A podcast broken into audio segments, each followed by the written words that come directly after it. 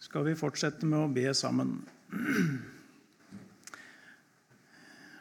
Ja, Jesus, vi vil få takke deg for at vi også får lov å synge ut disse dyrebare sannhetene og minne vårt eget hjerte om at lammet Lammet har vunnet, blodet har rundet. Og så er det grunn til å rope ut amen, visselig, halleluja. Og så ber vi Jesus om du fortsatt vil være her hos oss og gå imellom benkeradene til den enkelte. Og vi ber Jesus, og vi takker deg for at du kan virke like mye på barnet og på spedbarnets hjerte som på de voksnes hjerter. Og så ber vi om at det underet skjer, Jesus, også nå. Amen. Vi leser sammen fra Johannes evangeliet kapittel 16 og vers 16.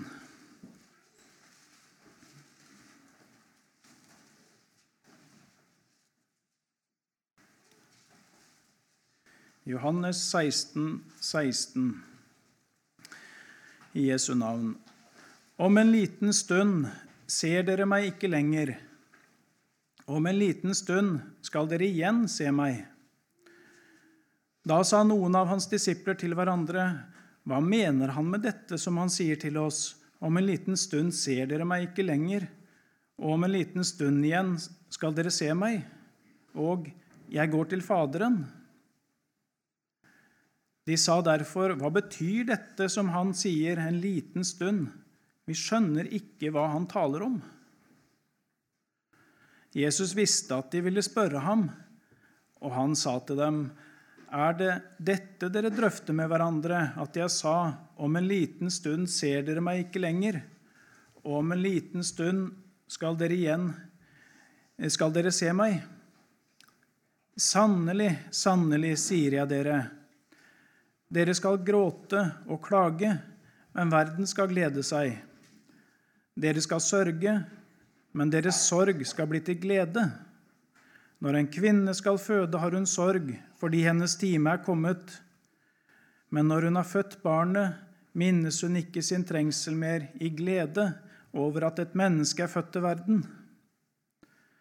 Slik har også dere sorg nå, men jeg skal se dere igjen, og deres hjerte skal glede seg, og ingen tar deres glede fra dere. Det som Jesus gjorde og sa de siste dagene og, kvelden før sin lidelse og død, det har en veldig stor plass i Johannes-evangeliet. Vet det at eh, det er 21 kapitler der. Og av disse 21 kapitlene så er det ni kapitler som handler om det tidsrommet de fra seks dager før påske og så til Jesus går inn i Getsemane, hans lidelse og død. Og så kommer det tiende kapittelet og handler om den korte tida etterpå, etter oppstandelsen og fram til himmelfarten. Så bortimot halve Johannesevangeliet tar for seg denne siste korte tida i Jesus sitt liv. Og I teksten vår her i, i dag så er Jesus samla sammen med disiplene sine rett før han går imot Getsemane og de veldige sjelekvalene. Og vi får et sant bilde av Jesus her også. Det er det som er så flott med å lese Guds ord. Her får vi et sant bilde av Jesus. Han er seg helt bevisst at han skal inn i denne veldige lidelsen og han har uttalt det tidligere at han gruer for den. Men disiplene her de er altså gjenstand for den samme Jeg tror vi bruker et sånt ord den sanne, reine omsorgen. En ren omsorg. Det er helt fri fra sånn selviskhet eller kjødelig utålmodighet Vi vet at når store og trykkende ting venter oss, så blir vi ofte så innkrøkt i oss sjøl, og vi blir eh, utålmodige med andre. Det merkes ofte godt i omgivelsene hvis et menneske er under et sterkt trykk. Det er ikke bespor av det her når Jesus taler med disiplene. Det er en fullstendig rein omsorg. Og han lærer dem og mater dem ettersom de kan tåle, ettersom de kan bære. Noe må han holde igjen, for de kan ikke bære det, men det skal Den hellige ånd ta seg av seinere. Og det står sånn i, i Johannes 13, 13,1 Det var før påskehøytiden, og Jesus visste at hans time var kommet da han skulle gå bort fra denne verden til Faderen.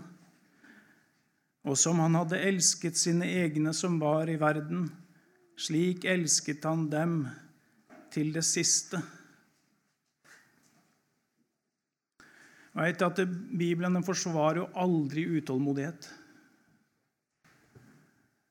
Bibelen bruker alltid de rette navnene på det. Det er utålmodighet, det er synd, fordi en er selvisk. En er opptatt med seg sjøl.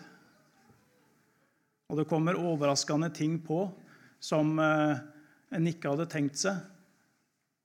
Og så kommer et utslag av det. Men vi finner ikke dette utslaget hos Jesus her.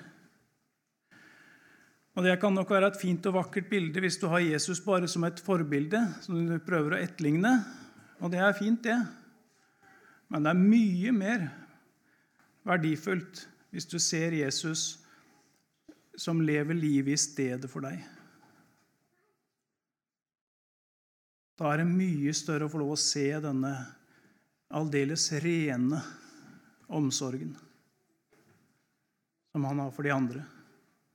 Og det er klart at dette er Gud til behag. Gud fryder seg over det. Og tenk å ha en sånn stedfortreder.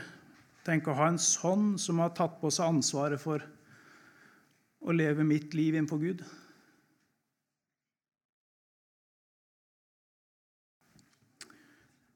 Og så er et sant bilde av Jesus også i dag. Jesus er sånn i dag også. Og så sier han her til disiplene sine om en liten stund ser dere meg ikke lenger, og om en liten stund igjen skal dere se meg. Selv om Jesus flere ganger hadde talt eh, til disiplene sine om sin lidelse og død ehm, Jeg telte etter nå i, i Matteusevangeliet for en stund siden, og da fram til skjærtorsdag så finner jeg i hvert fall fem plasser hvor han sier det veldig klart at han skal lide og dø og oppstå igjen. Men likevel så så står det her at det blir eh, full forvirring blant disiplene her. Og I samtalen seg imellom så leste vi rett ut at de sa derfor vers 18.: Hva betyr dette som han sier en liten stund? Vi skjønner ikke hva han taler om.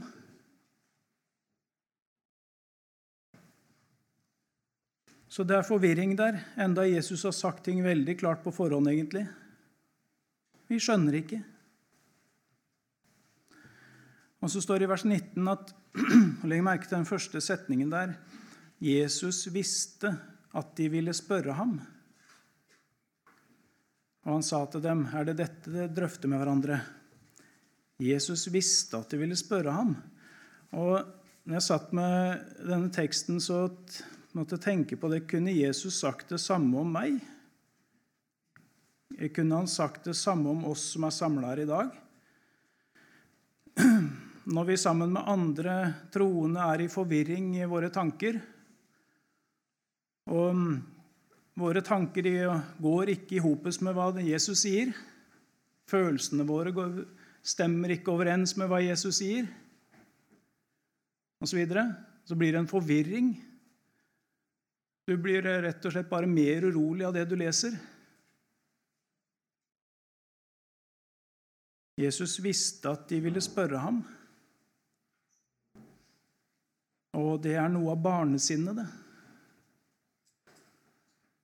De vender seg til Jesus i forvirringa. I Markus 4 eh, står om, han har fortalt om såmannen, lignelsen om såmannen, og da står det i vers 10 Da han var blitt alene, kom de tolv og de andre som var med ham, og spurte han om lignelsene. De måtte en runde til til Jesus, spørre Jesus. Hva er det du mener med dette, Jesus? Vi har våre tanker om det her, og vi er, er eh, i villrede. Men hva er det du mener nå, Jesus? Så gikk de og spurte han. Og så har jeg lyst til å spørre, Kanskje sitter det en eller ei her i salen som egentlig er redd for å spørre Jesus om hva han mener, og som egentlig ikke har så lyst til å spørre Jesus om hva han mener med forskjellige ting som han sier. For du aner at han kommer til å si noe som ikke passer for deg. Du aner at det er noe Jesus vil si deg, som er skummelt for deg. Da vil jeg si det her at uh, da skal du tenke litt på hvordan det gikk med alle de som hørte Jesus sine lignelser her. Og så, så gikk de videre uten å ha spurt han hva han egentlig mente om det. Det gikk så dårlig. De var nok religiøse resten av livet sitt, mange av dem, men det gikk så dårlig med dem. For Jesus fikk ikke åpenbart for dem hva han, hva han mener, hva han sier. Så Derfor så lyser en rød varsellampe hvis du egentlig går der og er redd for å spørre Jesus rett ut og ærlig ut hva mener du med det du sier, Jesus, på forskjellige steder i ordet. Jesus visste at de ville spørre han. Og så spør de han. Og etter at frelsesverket er fullført og Den hellige ånd ble sendt ifra himmelen, så knytter Jesus en dyrebar forsikring til det å bære fram sin forvirring, sine mangler, sine skrøpeligheter, sin uforstand. Alt den mangler. Bære det framfor Gud. Etter at frelsesverket er fullført, så kommer Jesus med en veldig forsikring og løfte. Og Det står rett etter teksten som vi leste nå, Johannes 16, 23. Hør der. Hvilket løfte det ligger her med at du skal få lov å komme til han og spørre. Med all din forvirring. Og på den dag skal dere ikke spørre meg om noe. Sannelig, sannelig, sier jeg dere, alt dere ber Faderen om Da går spørsmålet mot Faderen, ser du. Alt det dere ber Faderen om, skal Han gi dere i mitt navn. Så du det? Alt det dere ber Faderen om, skal Han gi dere i mitt navn. Hittil har dere ikke bedt om noe i mitt navn. Be, og dere skal få, for at deres glede kan være fullkommen. Altså, i Hans navn og på Hans rettigheter skal du få komme. Du får adgang like inn til tronen og be om alle ting.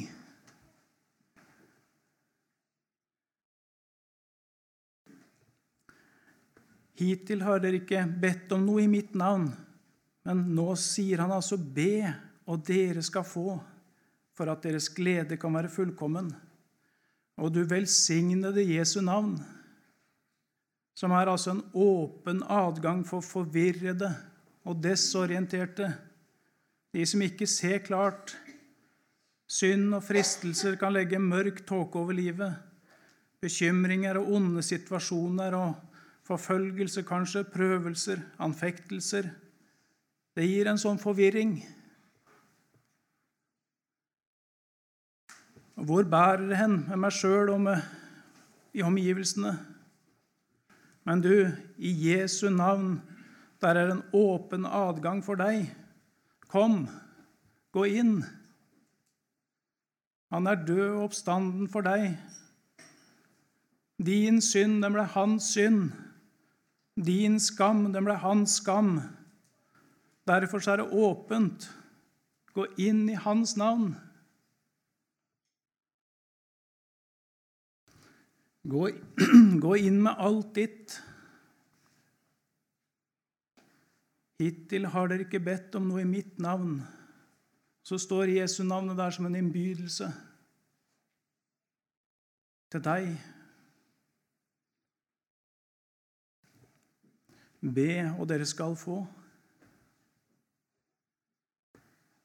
Sannelig, sannelig sier jeg dere, dere skal gråte og klage, men verden skal glede seg. Dere skal sørge, men deres sorg skal bli til glede. Vi ser noe ganske tydelig i Jesus' sin lidelseshistorie. Og det er at verden gleder seg på sin måte. Eh, I verden da, så er også de religiøse, de som ikke tror på Jesus.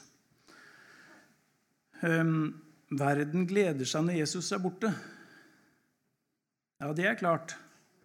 For da kan en leve videre i sine synder, enten det er religiøse synder, eller det er, eller det er utvortes eh, utsvevende liv. Eller det er forskjellige ting som ligger der, utilgivelig sinnelag, misunnelse og forskjellig. Ja, en gleder seg når Jesus er borte. En blir ikke så forstyrra da i det en holder på med. Og sånn er det med hyklerne som bærer kristennavnet. Det er avslappende når Jesus og ord er på betryggende avstand, ikke er så forstyrrende til stede i livet.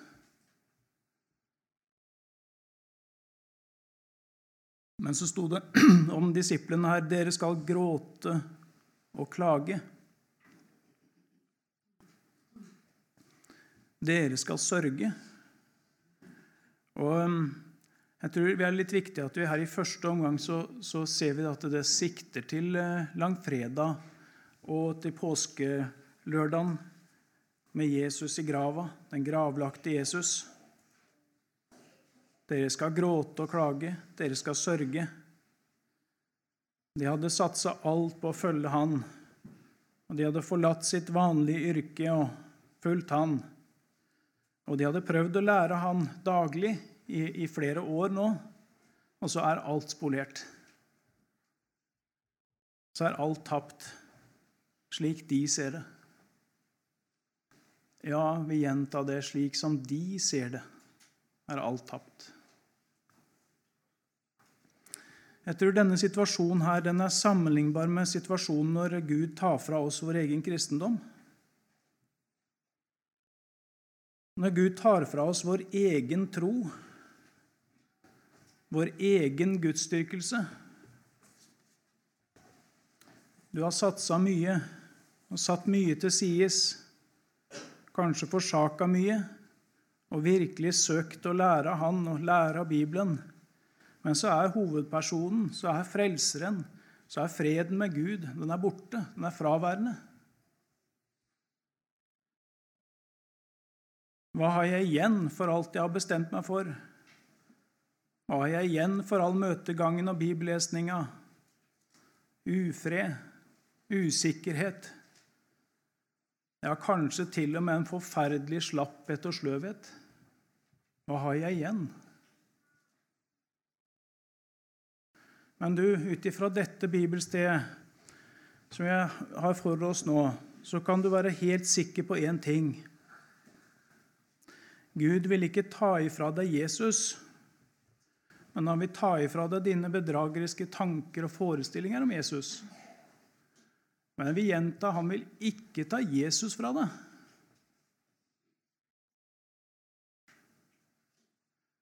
Du må befris fra tanken om at Jesus skal hjelpe deg til å bli en kristen som Gud kan godta. Du må befris fra de tankene der om at Jesus liksom er gitt for at eh, du skal få til å bli en kristen, få til å tro, få til å omvende deg osv. Alle disse tinga som hører med. Men du må befris fra tanken om at Jesus skal hjelpe deg til at du skal få det til. For Gud han kan aldri godta deg i din egen person så lenge det er en eneste syndig liten tanke. at så lenge er du utestengt. Man kan ikke godta det, Gud. Og det er ikke noe, Samme hvor mye hjelp du får, det hjelper ikke. Du er en synder tvers igjennom fortsatt. Derfor må Gud ta fra deg det der. Men han vil ikke ta fra deg Jesus. Derfor må du se på hvordan Jesus er her.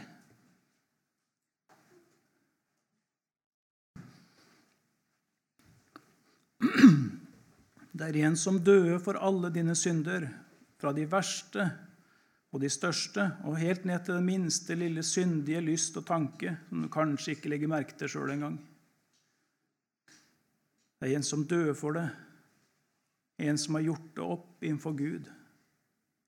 Gjort opp med alt ditt. Gjort opp med alt som stenger deg ute.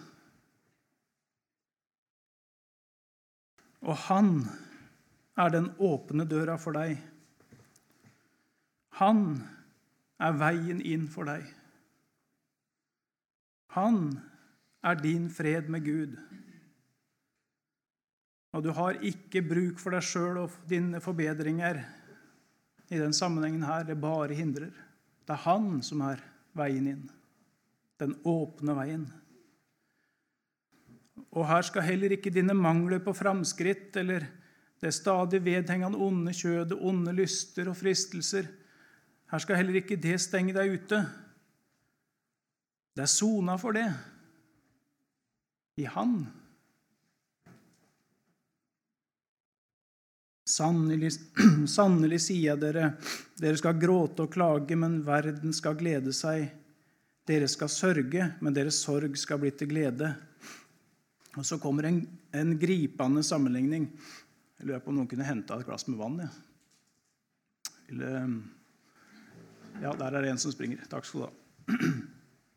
Det er en gripende sammenligning som kommer her i, i, som skal beskrive noe av den nøden som, som en kommer i her. Både når Jesus og eh, disiplenes forestilling av Jesus det var liksom fullstendig eh, lagt i grus. Og så kommer en beskrivelse her om hvordan det er, hvor fælt det er, faktisk, i første omgang. I vers 21.: Når en kvinne skal føde, har hun sorg fordi hennes time er kommet. Takk skal du ha.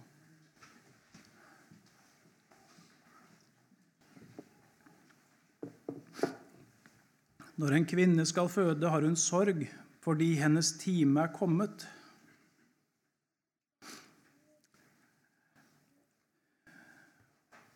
Tenk at denne sjelelige smerten ved at Jesus er borte, at den sammenlignes med smertene ved en fødsel.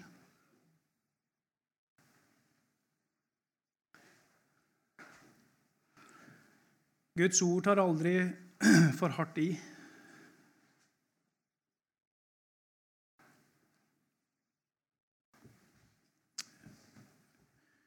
Men så vondt gjør det å bli tatt ifra sin egen kristendom.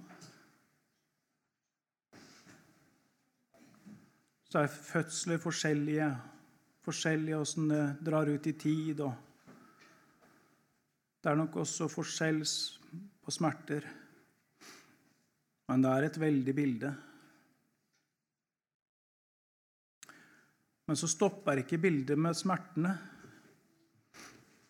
For det står videre, men når hun har født barnet, minnes hun ikke sin trengsel mer i glede over at et menneske er født til verden. Ja, nøden er veldig stor. Da jeg var i sjelenød, var den hele verden død. Det er en som synger. Ingen kunne, ingen ville hjertets dype lengsel stille. En veldig smerte. Men for en lettelse, for en ubeskrivelig glede når barnet er født og legges på mors bryst. For en forandring. Og for en lettelse. Og så får disiplene høre slik har også dere sorg nå, men jeg skal se dere igjen, og deres hjerte skal glede seg, og ingen tar deres glede fra dere.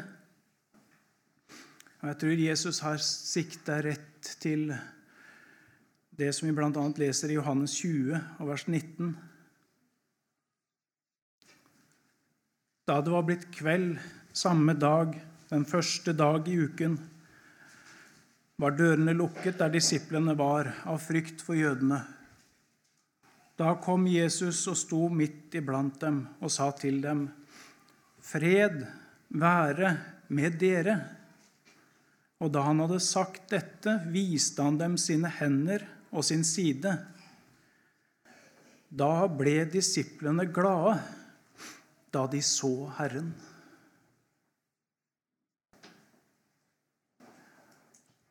Og det var den virkelige, sanne Jesus de fikk se. Det var den frelsende Jesus de fikk se. Han som har de helt spesielle kjennetegna, med såra i hendene og i sida.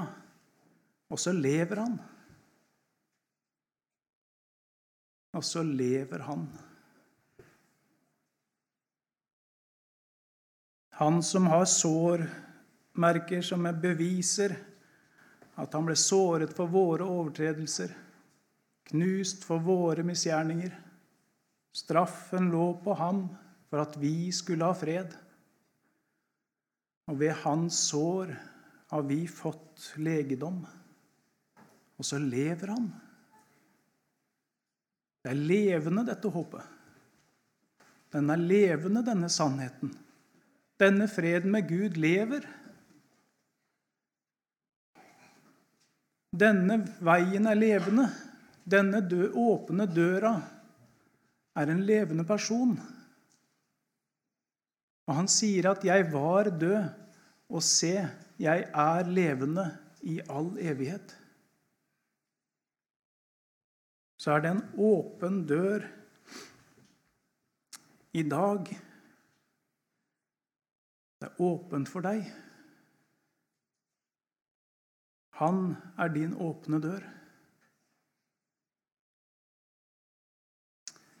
Og så lever han. Og for en lettelse at han lever. Og for en lettelse at dette er ikke bare en tenkt person eller en, en drøm eller sånn, men han lever. Han lever. Og han er i en sånn posisjon også at han, han gikk frivillig inn i døden. Og det var helt etter Faderens vilje. Men det var den ene gangen i vårt sted. Og ser du hva det ikke løfter det har for deg, så du skal få leve. Og det er snakk om evig liv. Evig liv. I Han og på grunn av Han. Og for en lettelse og for en glede. Det er en ubeskrivelig glede når det går opp for hjertet der. Og så er en fri. Og så skal vi få følge Han, og så skal vi la den sida ved teksten ligge her òg, men dette med trengselen og vanskeligheten i verden, og det med å få vi eier Jesus i tro i dag, men en dag så skal vi også få se han for våre øyne legemlig. Da skal vi også legemlig se at han lever. Men den sida skal vi la ligge i dag. Kjære Jesus, vi takker for ditt ord. Og takk for at du kommer levende til oss gjennom ordet ditt. Med alt det du er, alt du har fullbrakt. Og takk, Jesus, for at vi skal få lov bare å se på dette, spise av dette og så si Jesus, du min glede. Jesus, du min trøst. Du mitt håp. Du min styrke. Herre Jesus, så ber vi at du må åpenbare det for både liten og stor. Amen.